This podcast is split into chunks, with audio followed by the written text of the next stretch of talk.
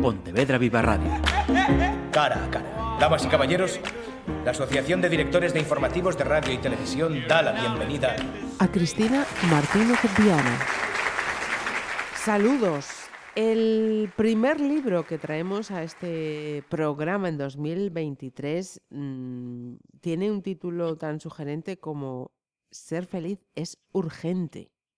Su autora, Cristina Martínez Viana, es eh, doctora en psicología y el libro está editado por Planeta. Lo primero, no vamos a perder las buenas formas y vamos a agradecer a la autora Cristina Martínez que nos atiende y podamos charlar con ella unos minutitos. ¿Qué tal, Cristina? Muchas gracias. Encantadísima de estar hoy con vosotros. Ser feliz es urgente, desde luego algo a lo que aspiramos todos, yo creo. Una aspiración que, mm, que pueden condicionar los pero. ¿Qué hacemos con ellos? Esos pero que son colectivos más o menos generalizados en este momento que vivimos y con esos pero que, podrá añadir cualquier persona que nos escucha, Cristina. Pues mira, uh, de ahí, ¿no? Esos peros son precisamente los que han inspirado el título de esta obra. ¿eh? Un poco lo que yo quiero transmitir con el título es la importancia, la relevancia de luchar por ser, pues cada día un poquito más felices, por tratar de conseguir que todos los días de nuestra vida, pues un poquito cuenten, ¿no? Que todos los días nos podamos acostar sintiendo, pues que hemos estado bien, que hemos estado en paz, que hemos hecho cosas que nos dan satisfacción, que nos hacen sentir plenos, porque peros, como muy bien dices, Marisa, los hay, pues, de todos los tipos, de todos los tamaños y en todo momento pueden hacer, aparecer muchos peros y poder tener, disponer de las herramientas prácticas, de las herramientas psicológicas para poder hacer frente a esos distintos peros, a esas adversidades, a esas incertidumbres con las que, por desgracia, nos toca convivir, nos va sin duda a permitir ser personas pues que vamos a poder vivir un poquito más tranquilos y en armonía y en definitiva pues un poquito más felices. Eh, es un manual de autoayuda contado en tercera persona. Ajá.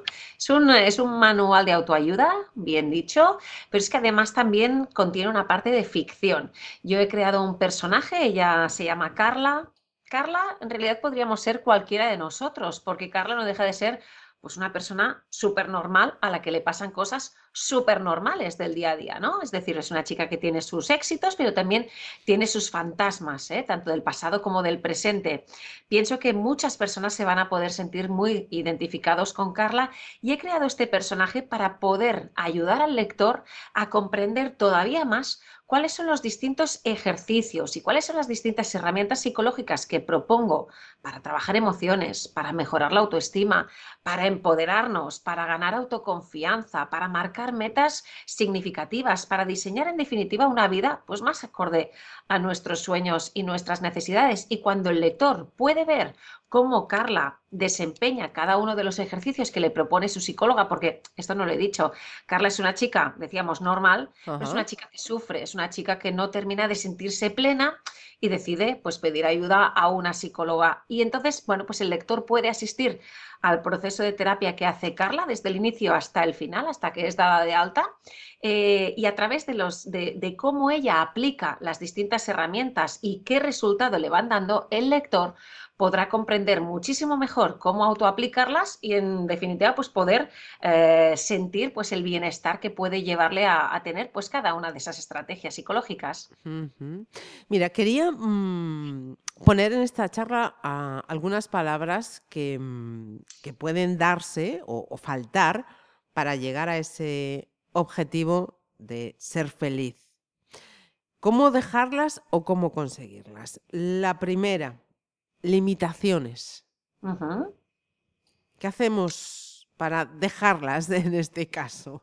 En este caso está clarísimo, ¿verdad? Pues lo primero que tenemos que hacer es identificar cuáles son esas limitaciones que creemos que tenemos, ¿no? Es lo que conocemos como creencias limitantes. Esas creencias son ideas que probablemente nos acompañan pues desde toda nuestra vida, probablemente desde la infancia, eh, y que en realidad lo único que están haciendo ahí es bloquearnos, es a dificultarnos el que podamos alcanzar metas superiores que probablemente nos harían sentirnos mucho más plenos en nuestras vidas. Esas creencias probablemente vienen de aprendizajes de nuestros padres, cosas que hemos vivido en casa, cosas que hemos vivido en la escuela y que nos han marcado de forma definitiva. Así que el primer paso es darnos cuenta de cuáles son las que tenemos y nos están frenando para a continuación necesariamente desafiarlas. En mi libro, en el capítulo de creencias limitantes, propongo varios ejercicios para poder comprender por qué están ahí esas, esas creencias limitantes qué están haciendo de bueno por nosotros, porque sin duda tienen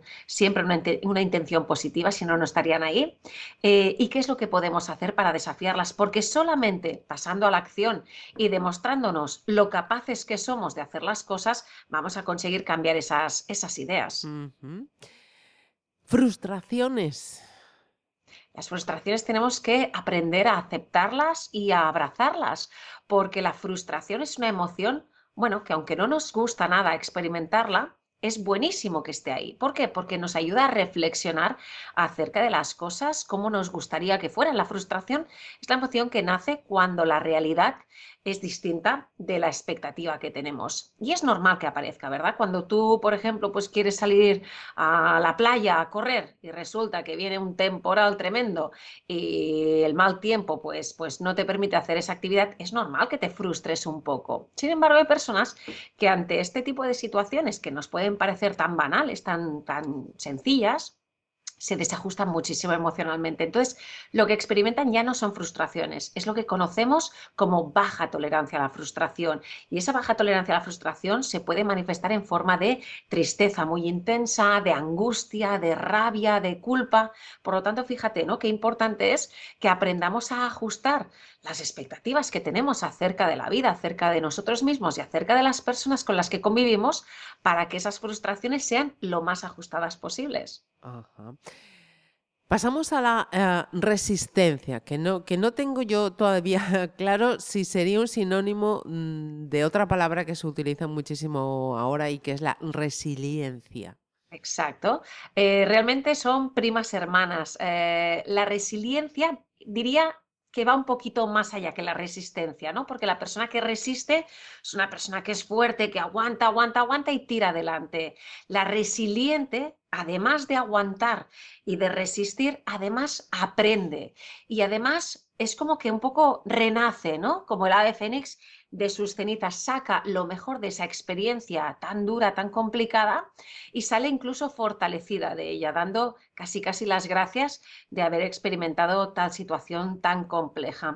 Así que también es una, es una fortaleza personal que es bueno que podamos desarrollar porque como decíamos hace un rato, a dificultades en la vida, esos peros, vamos a encontrarlos a todas horas y cuanto más resilientes, resistentes, fuertes y positivos seamos, realmente mucho mejor vamos a poder convivir con este tipo de situaciones complejas. Y vamos con la última que te proponía, motivación. Ay, la motivación, qué importante es la motivación para alcanzar cualquier meta o casi cualquier meta que nos podamos proponer, la motivación, la capacidad de vivir la vida con entusiasmo, con alegría, con una actitud positiva por contra de, o sea, sería lo contrario de vivir con actitud de queja, de lamento y de victimización. Esa capacidad de motivarnos por hacer las cosas que son verdaderamente importantes para nosotros es uno de los pilares de la inteligencia emocional y por tanto es una de las claves en el éxito en la vida de las personas.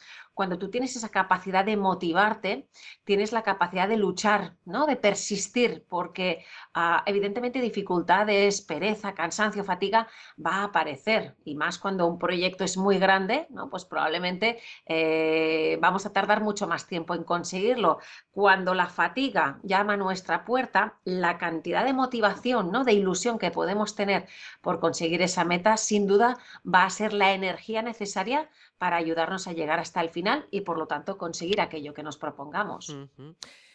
Ser feliz es urgente. Mucho. ¿Y, y fácil, Cristina? Ay, qué buena pregunta. No, el título lo dice, ser feliz es urgente, no es fácil. Ser feliz es un compromiso, es una actitud, es un trabajo. Las personas felices lo son porque, bueno, pues porque han conseguido tener una vida acorde a sus deseos y a sus necesidades. Y eso evidentemente es fruto de un trabajo, de unas decisiones. Cuando tú te marcas metas importantes, luchas por ellas, trabajas, eh, lo más probable es que termines con consiguiendo prácticamente todo aquello que tú te propones. Y la persona que es feliz no es aquella que lo consigue todo, es aquella que se marca siempre nuevos retos que la ilusionan, que la mantienen así como con esa energía, no esa vibra ah, en positivo y acepta además, la persona feliz acepta que quizá no va a conseguir todo, pero que si se esfuerza y trabaja por ello y disfruta del camino mientras está ¿no? en dirección a la meta soñada, ah, sin duda eso ya la está, le está provocando elevados niveles de satisfacción, de autoestima, de empoderamiento, de autoconfianza y eso en definitiva es una mezcla que sin duda no nos va a dar elevados niveles de bienestar y por lo tanto de plenitud y de felicidad. Entonces, ¿la felicidad son, son ratitos o es un sentir continuo? Eh, yo considero que la felicidad es como un estado, ¿verdad? Global que flota en, el aire en el que tú respiras. Ah, la felicidad no está reñida con tener momentos de tristeza, ni está reñida con tener momentos de miedo, de inseguridad, de vergüenza. Es decir, una persona que es feliz es una persona que tiene una vida pues que no cambiaría por otra.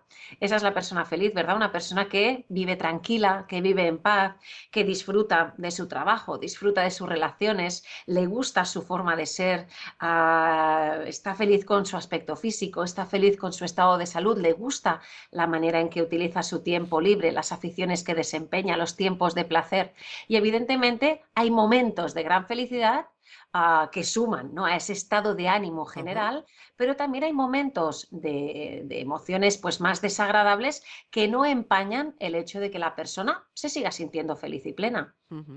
Pues Primer libro del año, decía, Ser feliz es urgente de Cristina Martínez, editado por Planeta. Pero con, tu permiso, Cristina, no, quería dejar pasar esta, esta, ocasión que tenemos de hablar con, con una psicóloga, porque estos días, la semana pasada concretamente, em, veía un, dato mm, que a mí me dejó um, preocupada. Es un dato que venía del barómetro de las familias en España, hecho por la Fundación de Family Watch, y en el que decía que em, el consumo de, ansiolíticos eh, se ha disparado entre los hogares españoles. ¿Qué opinión tiene un dato como este para, para ti como psicóloga? Pues el, dato que además, eh, no sé si estoy en lo cierto o no, eh, pero también tengo entendido que España es el, principal país del mundo, el primer país del mundo con mayor uso de ansiolíticos, como bien apuntabas, pero también de antidepresivos.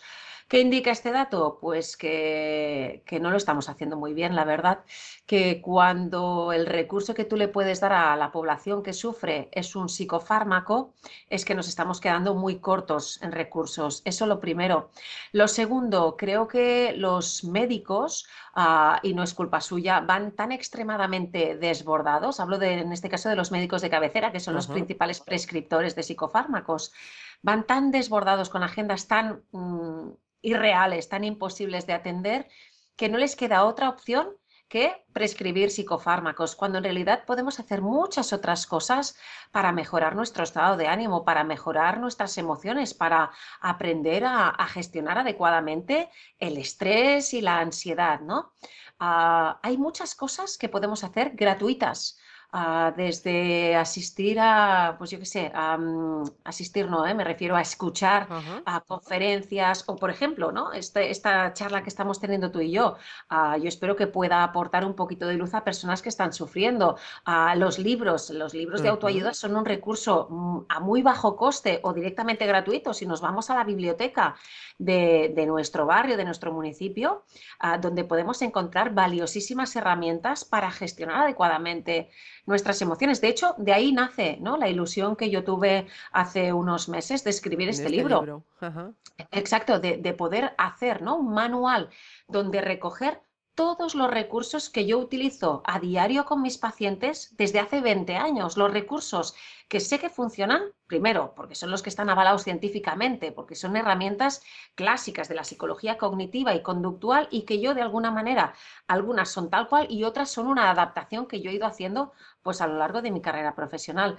Poder recurrir a libros de autoayuda es una buenísima manera de mejorar nuestras emociones. El deporte, ya sabemos el deporte, los enormes beneficios que tiene a, nivel ¿no? de, los neurotransmisores que tienen un papel fundamental en nuestro estado de ánimo. Se segregan endorfinas, la serotonina aumenta, la dopamina, que es la hormona del placer en fin, ¿no? Eh, quizá puede ser mucho más ah, potente a salir a caminar al bosque, estar en contacto con la naturaleza o acercarnos a la playa o pasear por un parque que recurrir corriendo a una pastilla ansiolítica, ¿no?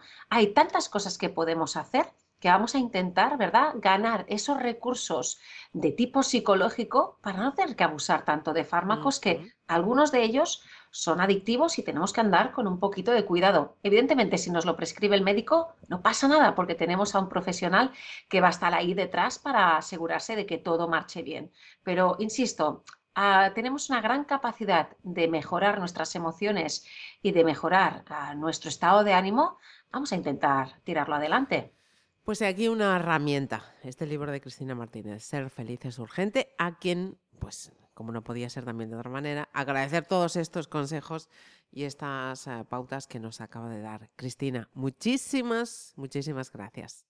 Gracias a vosotros. Un abrazo fuerte. Pontevedra Viva Radio. ¿Me permiten que les haga un comentario como espectadores del programa Cara a Cara? Según un reciente sondeo de mercado, ustedes disponen de estudios e inteligencias superiores a la media. Sus intereses abarcan desde la actualidad mundial y la ciencia hasta el deporte y los espectáculos.